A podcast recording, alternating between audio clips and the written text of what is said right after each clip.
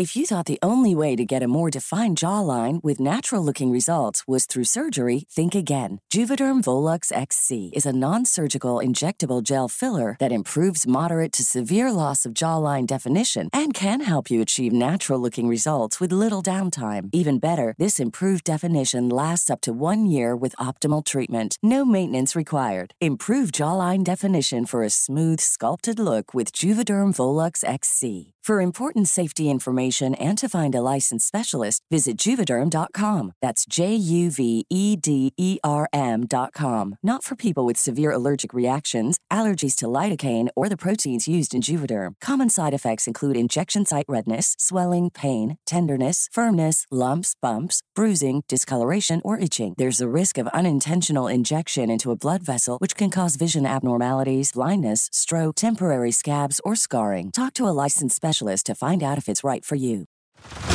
Head over to Hulu this March, where our new shows and movies will keep you streaming all month long. Catch the acclaimed movie All of Us Strangers, starring Paul Mescal and Andrew Scott. Stream the new Hulu original limited series We Were the Lucky Ones with Joey King and Logan Lerman. And don't forget about Grey's Anatomy. Every Grey's episode ever is now streaming on Hulu. So, what are you waiting for? Go stream something new on Hulu. Hey, I'm Ryan Reynolds. Recently, I asked Mint Mobile's legal team if big wireless companies are allowed to raise prices due to inflation. They said yes. And then when I asked if raising prices technically violates those onerous two year contracts, they said, What the f are you talking about, you insane Hollywood ass? F- So to recap, we're cutting the price of Mint Unlimited from $30 a month to just $15 a month. Give it a try at mintmobile.com slash switch. $45 upfront for three months plus taxes and fees. Promo rate for new customers for limited time. Unlimited more than 40 gigabytes per month. Slows. Full terms at mintmobile.com.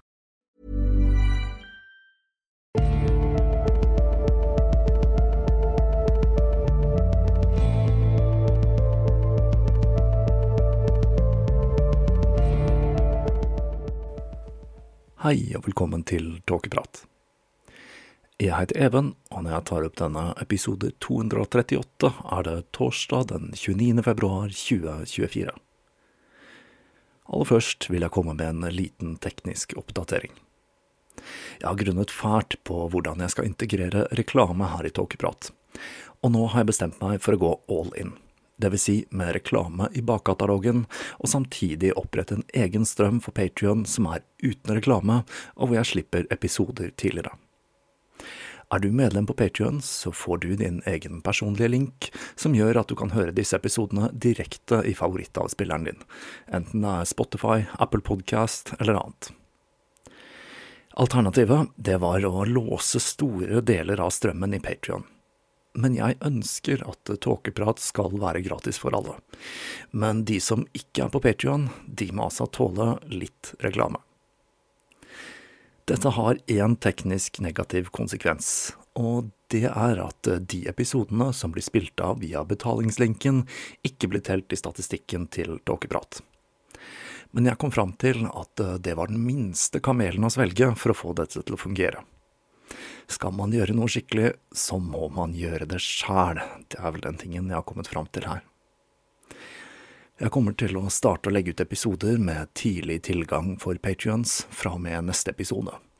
Så får vi se hvordan det utarter seg. Men over til dagens episode. Nå endte jeg altså opp med fem episoder om Leonardo da Vinci. Som jeg sa i forrige episode, var jeg litt usikker på hvor mange deler jeg skulle satse på. Men jeg har altså kommet fram til at det holder med fem, siden jeg sikter meg inn på å holde meg til livshistorien hans.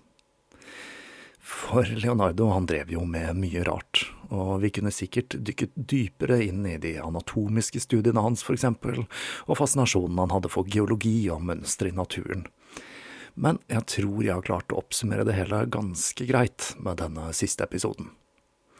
Og da gir jeg dere den siste delen i historien om livet til Leonardo da Vinci.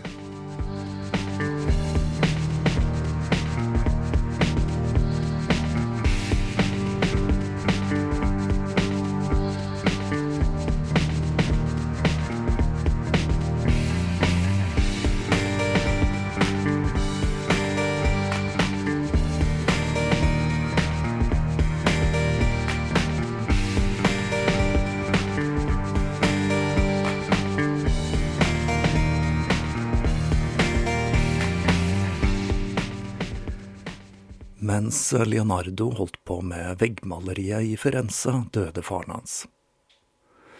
Etter å ikke ha giftet seg med moren til Leonardo, hadde han hatt fire koner. To av dem var mye yngre enn Leonardo selv, og til sammen hadde han fått ni sønner og to døtre. Faren etterlot ikke noe arv til Leonardo. Han hadde jo, som vi husker, ikke tatt seg bryet med å legitimere ham, men det kan tenkes at den uteblivende arven rett og slett skyldtes at han syntes sønnen hadde klart seg såpass bra at han ikke hadde behov for mer penger men det ser ut til at denne manglende arven var noe som plaget Leonardo litt. I kjølvannet av dette bestemte han seg for å dra tilbake til Milano. Grunnen han oppga for å ønske å dra tilbake dit, var en disputt om betaling for et bestillingsverk han og Ambrogio de Predis hadde malt der, Madonna i grotten. Styresmakten i Firenze hadde ikke så veldig lyst til å gi slipp på Leonardo før han hadde fullført maleriet sitt. Men i mai 1506 så de seg rett og slett nødt til å gi ham tillatelse til å reise. Firenze var nemlig beskyttet av den franske kongen Ludvig 12., og når han uttrykket et ønske om å møte Leonardo i Milano, så kunne de rett og slett ikke gjøre annet enn å gå med på dette. For å sørge for at han kom tilbake, fikk de ham til å skrive under på en kontrakt der han sverget på å komme tilbake innen tre måneder. Hvis ikke, så vanket det en klekkelig bot. Men når de tre månedene var gått, ble det åpenbart at Leonardo ikke hadde noen planer om å vende tilbake til byen. Når Leonardo kom til Milano, ble han titulert som den franske kongens offisielle maler og ingeniør, eller nostre peintre et ingeniør ordinær, og han fikk beskjed om å bli i byen til Ludvig dukket opp i mai. Denne gangen hadde Leonardo flyttet fra Firenze for godt. Han likte rett og slett Milano bedre. I Milano var det ingen Michelangelo til å irritere ham, og han kom seg vekk fra halvbrødrene og minnet etter sin far og den uteblivende arven. Byen var styrt av adel, som satte stor pris på tilstelninger, og det var mer i hans gate. Og i tillegg fikk han seg en ny støttespiller, Charles Dambouilly, den franske guvernøren i Milano. Og han og Leonardo, de hadde en del felles interesser. På denne tiden var Leonardo rett og slett dritlei av å male, og han følte seg tiltrukket av det mer intellektuelle miljøet i Milano. Charles Dambouilly hadde som mål å lage et hoff som minnet om det Schwartza-familien hadde hatt, med kunstnere, vitenskapsmenn og artister side om side. Og Leonardo, som hadde litt av alt, ble en av hans absolutte favoritter. Leonardo var i sitt ess. Blant ting han foretok seg på denne tiden, finner vi disseksjonen av en mann som visstnok var mer enn 100 år gammel. Han dykket for å studere likheter mellom fisk og fugl, han begynte å skrive en avhandling om geologi og vann, og han planla en testtur med en av flymaskinene sine. Nå fikk han også muligheten til å boltre seg med teater igjen, og når Ludvig kom i juni, ble han mottatt med en kjempeparade. Til denne paraden hadde Leonardo konstruert en diger mekanisk løve som reiste seg når kongen kom. Den pågående krigen mellom Italia og Frankrike kunne i seg selv minne om en slags parade, der overdådig festing og fyrverkeri ble avbrutt av en og en annen massakre. I 1512 begynte Frankrike å miste taket på Milano, når Maximilian Sforza, sønnen til Ludovico, forsøkte å ta byen. Han skulle klare det til slutt, og han klarte å holde på makten i Milano i tre år. Leonardo hadde en egen evne til å styre unna konflikter, og det skulle han klare denne gangen også. Det som gjorde alt litt ekstra kinkig denne gangen, var at den nye støttespilleren hans, Charles Namboui, han døde i 1511. Leonardo hadde liten lyst til å dra tilbake til Firenze, så i løpet av de neste fire årene dro han litt hit og dit, og blant annet hadde han med seg noen malerier han forsøkte å fullføre. I perioden i Milano hadde Leonardo adoptert en sønn, Francesco Melci, og i den første delen av 1512 bodde Leonardo sammen med ham og resten av familien hans, samt Salai. Dette var på mange måter det nærmeste Leonardo hadde vært å ha en familie. Han var nå fylt 60 år, og alderen hadde satt sitt preg på ham fysisk.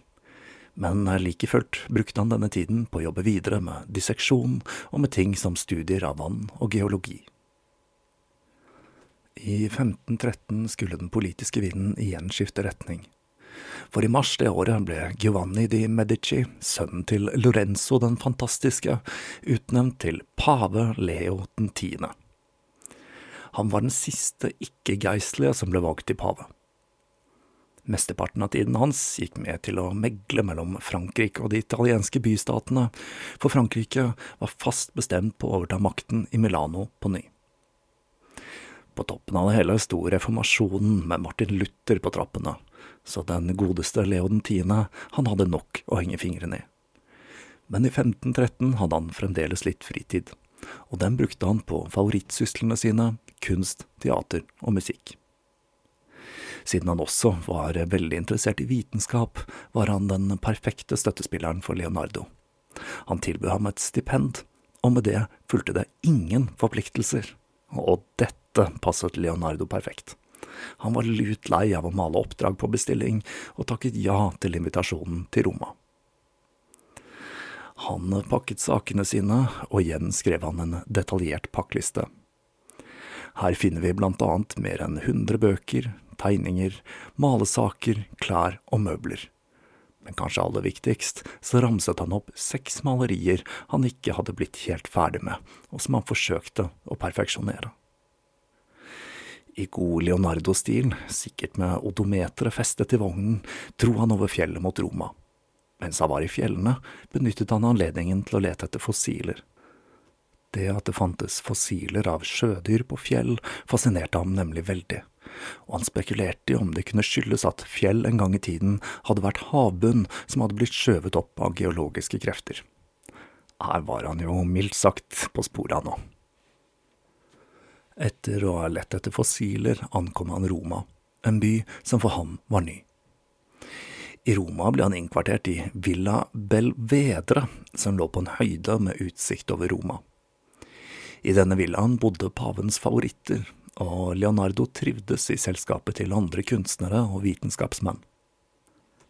På toppen av det hele beordret paven rommene til Leonardo modernisert, han fikk forstørret vinduene slik at de skulle slippe inn mer lys, og han fikk også hele fire spisebord, slik at han skulle ha plass til en hel kohort med hjelpere og lærlinger. Paven og broren hans, Giuliano, bestilte stadig verk fra kunstnere som Michelangelo og Rafael, men ikke fra Leonardo. Han hadde fremdeles en sterk aversjon mot å male, det vil si, han fikk én bestilling fra paven, men denne fullførte han aldri. Den eneste malingen han gjorde, var å jobbe møysommelig videre på maleriene han hadde med seg. Et av dem hadde han begynt på så tidlig som i 1503, men han ble aldri helt fornøyd. Leonardo påtok seg derimot andre jobber, blant annet med å drenere myrene i Pontin, åtte mil sørøst for Roma. Han tegnet et av sine detaljerte kart og beskrev hvordan to kanaler kunne føre tilsiget av vann til myrene ut i havet. I samme slengen tegnet han også en maskin som med vannkraft kunne stanse mynter til paven. Men det arbeidet som opptok ham aller mest når han var i Roma, det var speil. Vi har jo allerede vært borti Leonardos fascinasjon for optikk og bruken av speil til lodding. Mens han var i Roma, forsøkte han å perfeksjonere en del av disse konseptene.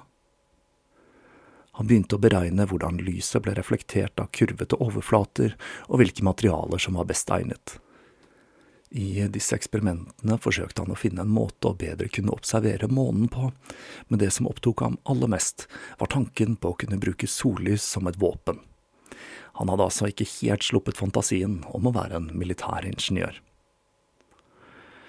Frem til nå så har vi sett hvor omgjengelig Leonardo var.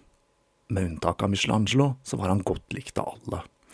Men i Roma begynte han å vise fram noen fram til da ukjente sider av seg selv. For eksempel så klikket han fullstendig da en tysk assistent han hadde fått av paven, viste seg mindre egnet til oppgaven, og han ble overbevist om at en annen tysker, en speilmaker som bodde i villaen sammen med ham, spionerte på ham, og han klagde til paven. Denne tyskeren, med det utyske navnet Giovanni, fikk skylda for flere ting også. Leonardo var jo glad i disseksjoner. Det var ikke forbudt, men det ble heller ikke sett på som helt stuerent heller. Og en dag satte paven foten ned når han oppdaget at Leonardo hadde flådd tre menneskekropper for å studere nerver og muskulatur. Leonardo var overbevist om at det var Giovanni som hadde varslet paven, og han skrev om denne konspirasjonsteorien i notatbøkene sine. Det at Leonardo var blitt særere enn noensinne, og i tillegg var i dårlig humør, gjorde at han ble mindre populær i Medici-familien. Og han mistet enda mer støtte når Giuliano ble giftet bort i 1515 og døde et år senere av tuberkulose. Han bestemte seg for at tiden var inne for å flytte på seg igjen. Han ville bort fra et Roma som var fullt av tyskere som irriterte ham. Når paven erklærte at han ville dra til Firenze og Bologna, så han sitt snitt, og han sluttet seg til pavefølget. Naturlig nok ble han ikke værende igjen i Firenze, hvor han fremdeles hadde et uferdig veggmaleri, men han dro videre til Bologna, hvor paven hadde avtalt et hemmelig møte med den nye franske kongen, Frans den første, som akkurat hadde fylt 21 år.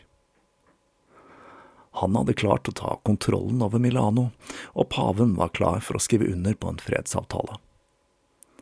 Leonardo var med på disse forhandlingene, og den nye franske kongen forsøkte å overbevise ham om å bli med tilbake til hoffet i Frankrike.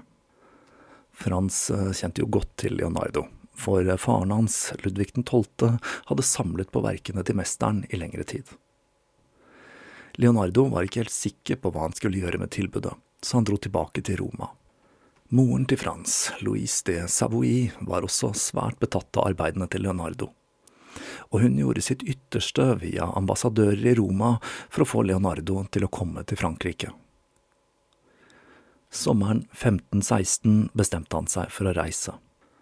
Han var 64 år gammel, så visstnok eldre ut enn han var, og han hadde aldri vært utenfor Italia. Leonardo pakket sakene sine, blant annet disse mye nevnte maleriene han aldri ble ferdig med. På vei til Frankrike dro de innom Milano, hvor Salai, som da var 36 år gammel, bestemte seg for å bli på vingården Leonardo hadde fått av Ludvico Sforza. Selv om Salai skulle besøke Leonardo fra tid til annen, var dette den siste gangen de reiste sammen. På denne tiden hadde Leonardo nemlig fått seg en ny elsker, Batista di Villanis, og det kan jo være litt av grunnen til at Salei valgte å gå sin egen vei.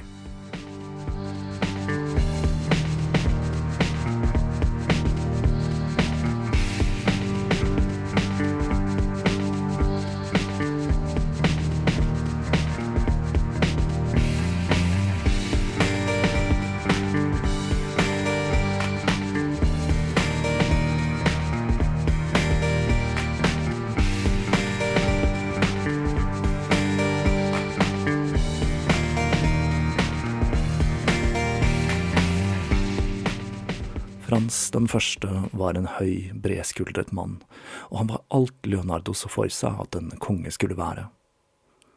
Han pleide å ri i front for troppene sine i krig og stormet fiendens linjer med banner i hånd. Men i motsetning til de krigsherrene Leonardo kjente fra før, var han kultivert, og han kunne italiensk, spansk, latin og hebraisk. Han utmerket seg også både som en danser og en bryter. Når han tok Milano, lot han ikke bare Maximilians Forza leve, men han tok, tok han med til hoffet i Frankrike, hvor han kunne leve en behagelig tilværelse. Det var visstnok moren, Louise de Savoy, som kan ta mye av æren for at sønnen ble kultivert og vokste opp med dannelse. Det var én ting som plaget Frans, og det var at Italia lå langt foran Frankrike på kunstfronten og han håpet nok å rette litt på dette ved å ha selveste Leonardo da Vinci.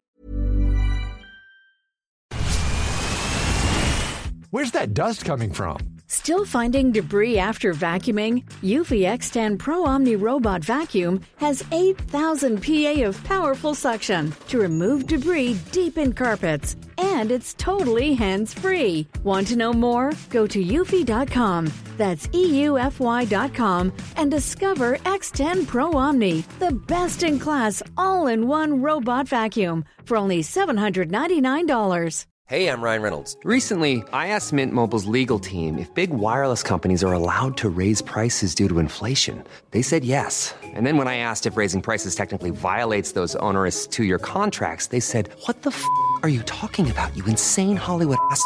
F- So to recap, we're cutting the price of Mint Unlimited from $30 a month to just $15 a month. Give it a try at mintmobile.com slash switch. $45 upfront for three months plus taxes and fees. Promo rate for new customers for limited time. Unlimited more than 40 gigabytes per month. Slows. Full terms at mintmobile.com.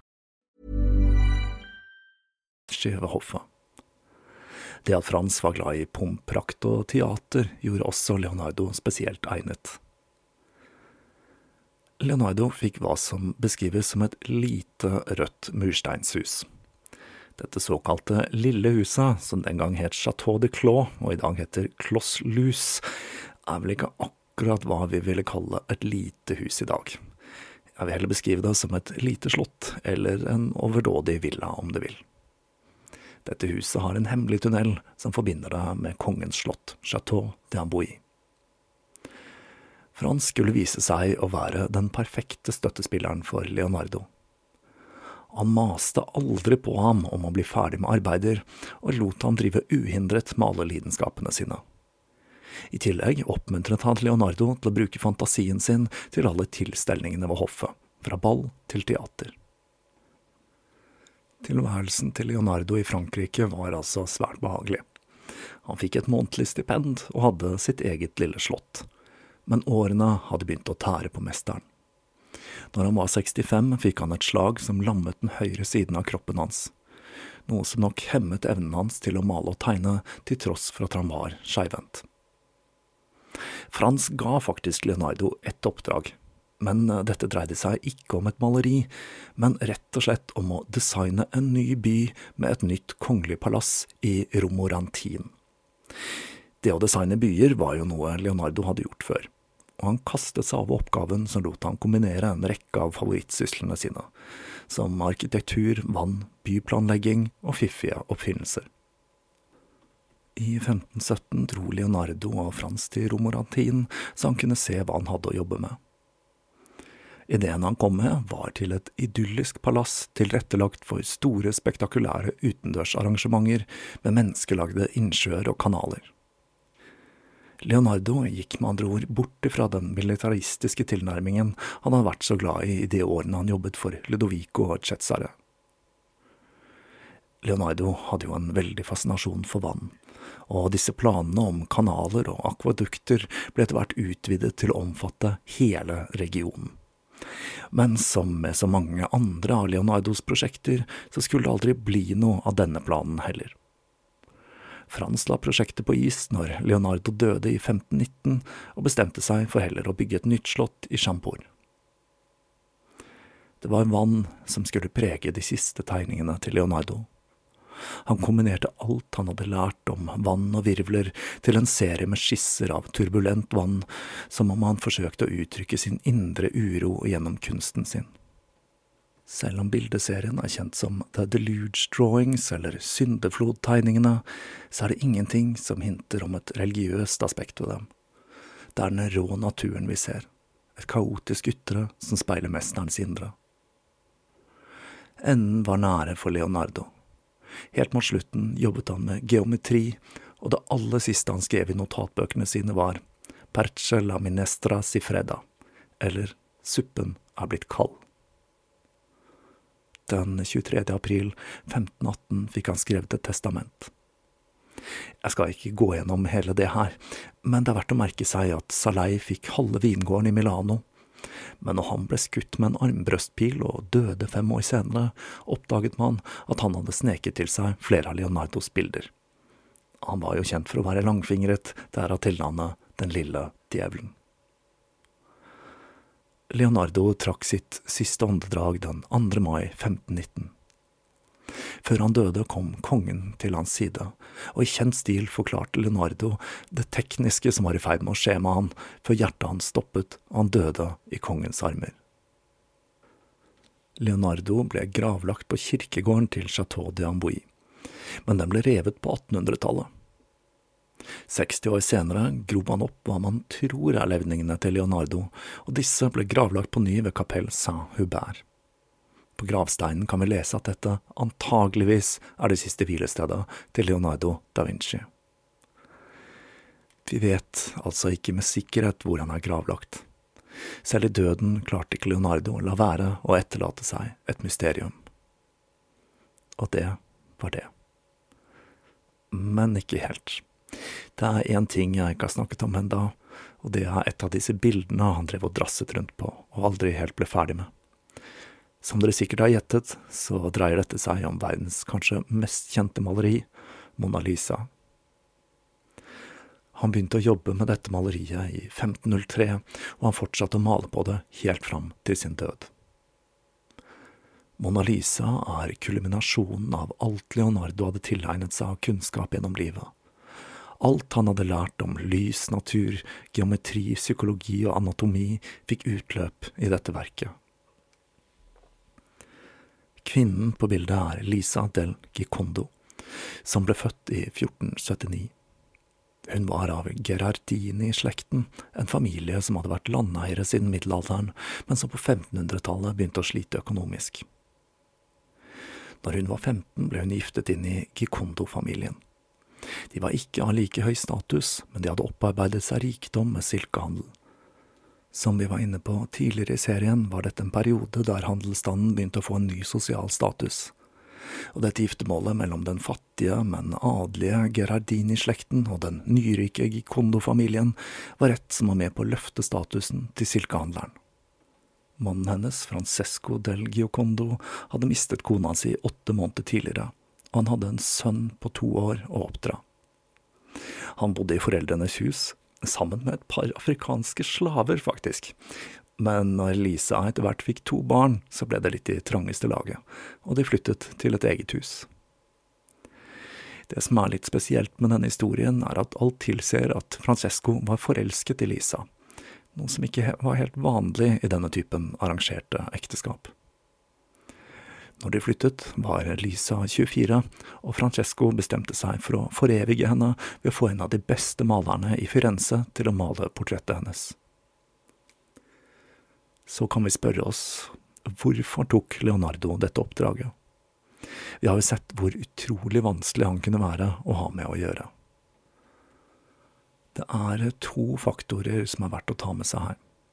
Den ene er at faren var notaren til Francesco og han hadde representert ham flere ganger i retten. Men igjen, vi vet at Leonardo var veldig vanskelig å ha med å gjøre, så den enkleste forklaringen er at han rett og slett hadde lyst til å male henne. Hun var verken kjent eller adelig, og det gjorde at han kunne male henne slik han ønsket. I tillegg var hun vakker, og så hadde hun et veldig mystisk smil. Her hører det jo med historien at selv om Leonardo malte portrettet, så leverte han det aldri fra seg. Han ble så besatt av dette maleriet at han altså hadde det med seg og fortsatte på det fram til han døde. Selve maleriet er malt på et poppelpanel, som er litt større enn et ordinært husportrett fra den tiden. Han grunnet dette med hvit blymaling, som var egnet til å reflektere lyset gjennom de mange tynne lagene med maling han malte på noe som gir maleriet en dybde og et lys som gjør at det ser levende ut. Lisa sitter i en loggia. Det er en veranda der sideveggene er byttet ut med søyler, et italiensk arkitektelement som er ment som et oppholdsrom på samme måte som en veranda. Vi ser Lisa i det øyeblikket hun snur seg mot oss, og hun smiler. Her er det så mange elementer vi kan plukke fra hverandre at det kunne blitt en hel podkastserie i seg selv. Men la oss se på noen få av disse geniale grepene Leonardo benyttet seg av. Normalt ville lyset i denne settingen ha kommet bakfra, men Leonardo har valgt en lyssetting der lyset skinner mot Lisa forfra. Dette gjorde at Leonardo kunne benytte seg av den skyggeleggingen han følte han trengte for å kunne skildre uttrykket hennes. Leonardo hadde jo studert menneskeøyet, og han visste at pupillen trekker seg sammen når den blir utsatt for lys, og at den utvider seg når man opplever glede, nytelse og forelskelse. Om man studerer øynene til Lisa, kan vi se at den høyre pupillen hennes er litt større enn den venstre, selv om lyset treffer dette øyet. Det virker jo litt underlig. Kanskje Leonardo forsøkte å formidle at Lisa var glad for å se oss. Hun har ikke på seg smykker eller juveler, men klærne hennes reflekterer at hun var gift med en silkehandler, og de er fulle av små detaljer, som broderiene på halslinningen på kjolen hennes. Sløret hun har på hodet er også en imponerende detalj. Det er så gjennomsiktig at man ikke legger merke til det ved første øyekast. Og det er åpenbart at Leonardo malte landskapet bak først, slik at det syns tydelig gjennom sløret. Leonardo var opptatt av ikke å bruke skarpe linjer, for det er slik vi mennesker ser verden, og han var en mester i å male det utydelige, for å gi en følelse av noe flyktig og uangripelig. Landskapet bak Lisa består også av et optisk triks. Vi ser det høyt ovenifra, og det er et slags fantasilandskap som består av geologiske formasjoner som hinter om en urtid før det var mennesker på jorden. Vi husker jo hvordan Leonardo var oppslukt av fossiler og geologi. I tillegg virker den høyre bakgrunnen fjernere enn den venstre, noe som gir bildet et ekstra element av dynamikk. Landskapet flyter på en måte inn i Lisa og blir en del av henne. Vi ser mikrokosmos og makrokosmos bli ett. Fortid og nåtid flyter sammen og blir til denne kvinnen fra Firenze. Øynene til Lisa ser ut til å følge med oss når vi beveger oss rundt bildet. Følelsen av å bli stirret på er så intens at denne effekten har fått tilnavnet Mona Lisa-effekten. Leonardo var ikke den første som fikk det til bilder, men det var han som perfeksjonerte teknikken. Det er med en kombinasjon av skygger og lys han oppnår denne nærmest skremmende effekten hvor hun følger oss med øynene. Og så er det det mest kjente elementet med Mona Lisa – smilet. Den første biografen til Leonardo, Vasari, forteller oss en historie om hvordan han ansatte gjøglere og musikere til å underholde Lisa mens han malte.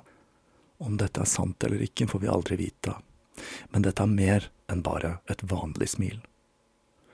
For om man ser rett på smilet, så til siden og tilbake igjen, så endrer det seg.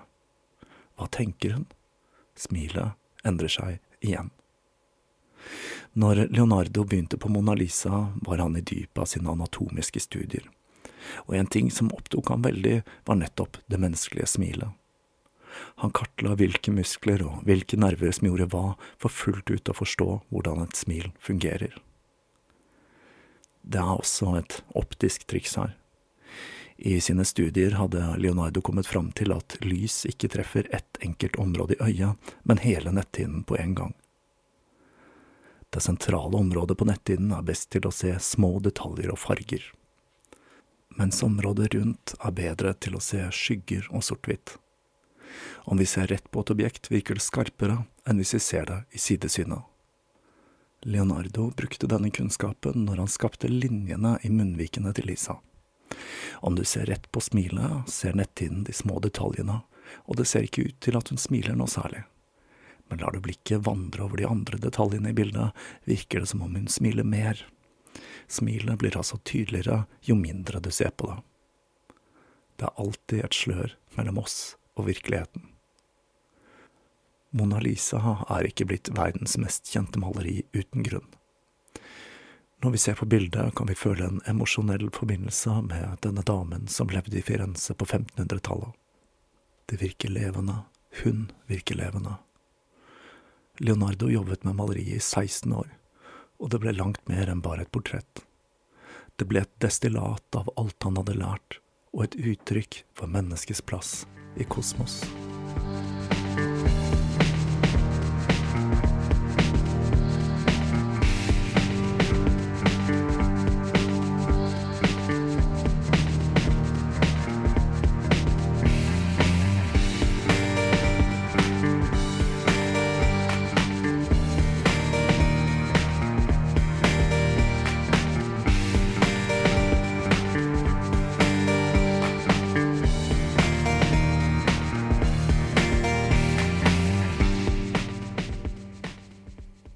Fordi suppen er kald, var altså det siste Leonardo skrev, og nå er vår Leonardo-suppe også blitt kald. Som jeg nevnte i starten av serien, så var ikke Leonardo så opptatt av å publisere det han skrev. Det gjorde at tekstene hans forble ukjente fram til 1800-tallet, noe som gjorde at oppdagelsene hans ikke fikk noen stor betydning for den tekniske utviklingen til samfunnet. Men det fikk altså betydning for noe annet, og det var kunsten hans. Det er mange som har argret seg over at Leonardo var så lite produktiv som han var på malersiden. Men etter å ha gått gjennom livshistorien hans, føler jeg meg ganske sikker på at vi ikke hadde fått en Mona Lisa om det ikke hadde vært for den bunnløse nysgjerrigheten hans og hans evne til å gå sin egen vei og ikke bry seg om hva andre måtte mene. Jeg har lært en hel del av arbeidet med denne serien. Tidligere har jeg sett på Leonardo som en polymatt, og kunsten hans som en liten del av dette. Men det jeg har forstått nå, er at kunsten hans reflekterer alt han hadde lært av å studere ting. Man trenger kanskje ikke dissekere menneskekropper for å forstå hvordan et smil fungerer, men for Leonardo var det ikke noe spørsmål. Han måtte ha dybdeforståelse for å kunne uttrykke det hele perfekt. I disse dager hvor mange føler at kunst, enten det dreier seg om maleri, musikk eller andre kunstneriske uttrykk, er truet av utviklingen til kunstig intelligens, vil jeg heretter bare henvise til Mona Lisa, og hun svarer med et smil. En ting jeg savner i vår tid, er multikunstnere sånn som Leonardo. Det at han hadde en innsikt i så mange ulike fagfelt, gjorde at han kunne trekke slutninger man er blind for om man er spesialisert innenfor et fag. Dette er nok noe vi kunne trengt mer av i dag, men vi trekker stadig den andre veien, med spesialisering, og jeg tror det kan være med å hindre oss i å gjøre nye oppdagelser. Jeg har nå iallfall ikke fått med meg noen som er kunstner, arkeolog, ingeniør, geolog, fysiker i dag, men vi kunne trengt noen flere av dem. Selv om det er klart at det krever en viss personlighetstype og hjerne for å klare å skyte like bredt som Leonardo. Men nå skal jeg stake ut kursen for tåkeprat fram mot sommeren. Jeg har allerede et par intervjuepisoder i boks jeg kommer til å slippe framover mens jeg peiler meg inn på et nytt tema.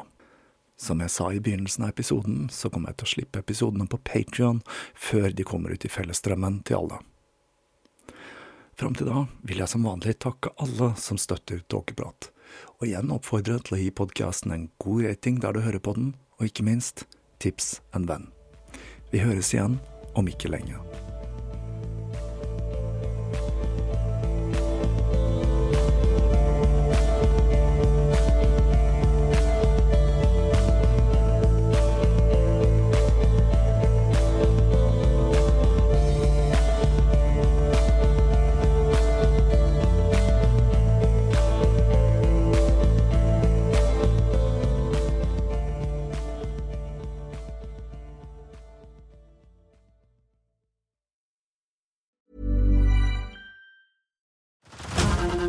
To Hulu this March, where our new shows and movies will keep you streaming all month long. Catch the award winning movie Poor Things, starring Emma Stone, Mark Ruffalo, and Willem Dafoe. Check out the new documentary, Freaknik The Wildest Party Never Told, about the iconic Atlanta Street Party. And don't miss FX's Shogun, a reimagining of the epic tale, starring Anna Sawai. So, what are you waiting for? Go stream something new on Hulu. Too tired to clean your floors after playtime? Forgot to vacuum before your friends bring their little ones over? Let Eufy X10 Pro Omni help. Powerful 8000 PA suction removes debris, and MopMaster dual mop pads scrub away stubborn stains with ease. Save time and keep your floors cleaner. Want to know more? Go to eufy.com, that's EUFY.com, and discover X10 Pro Omni, the best in class all in one robot vacuum for only $799.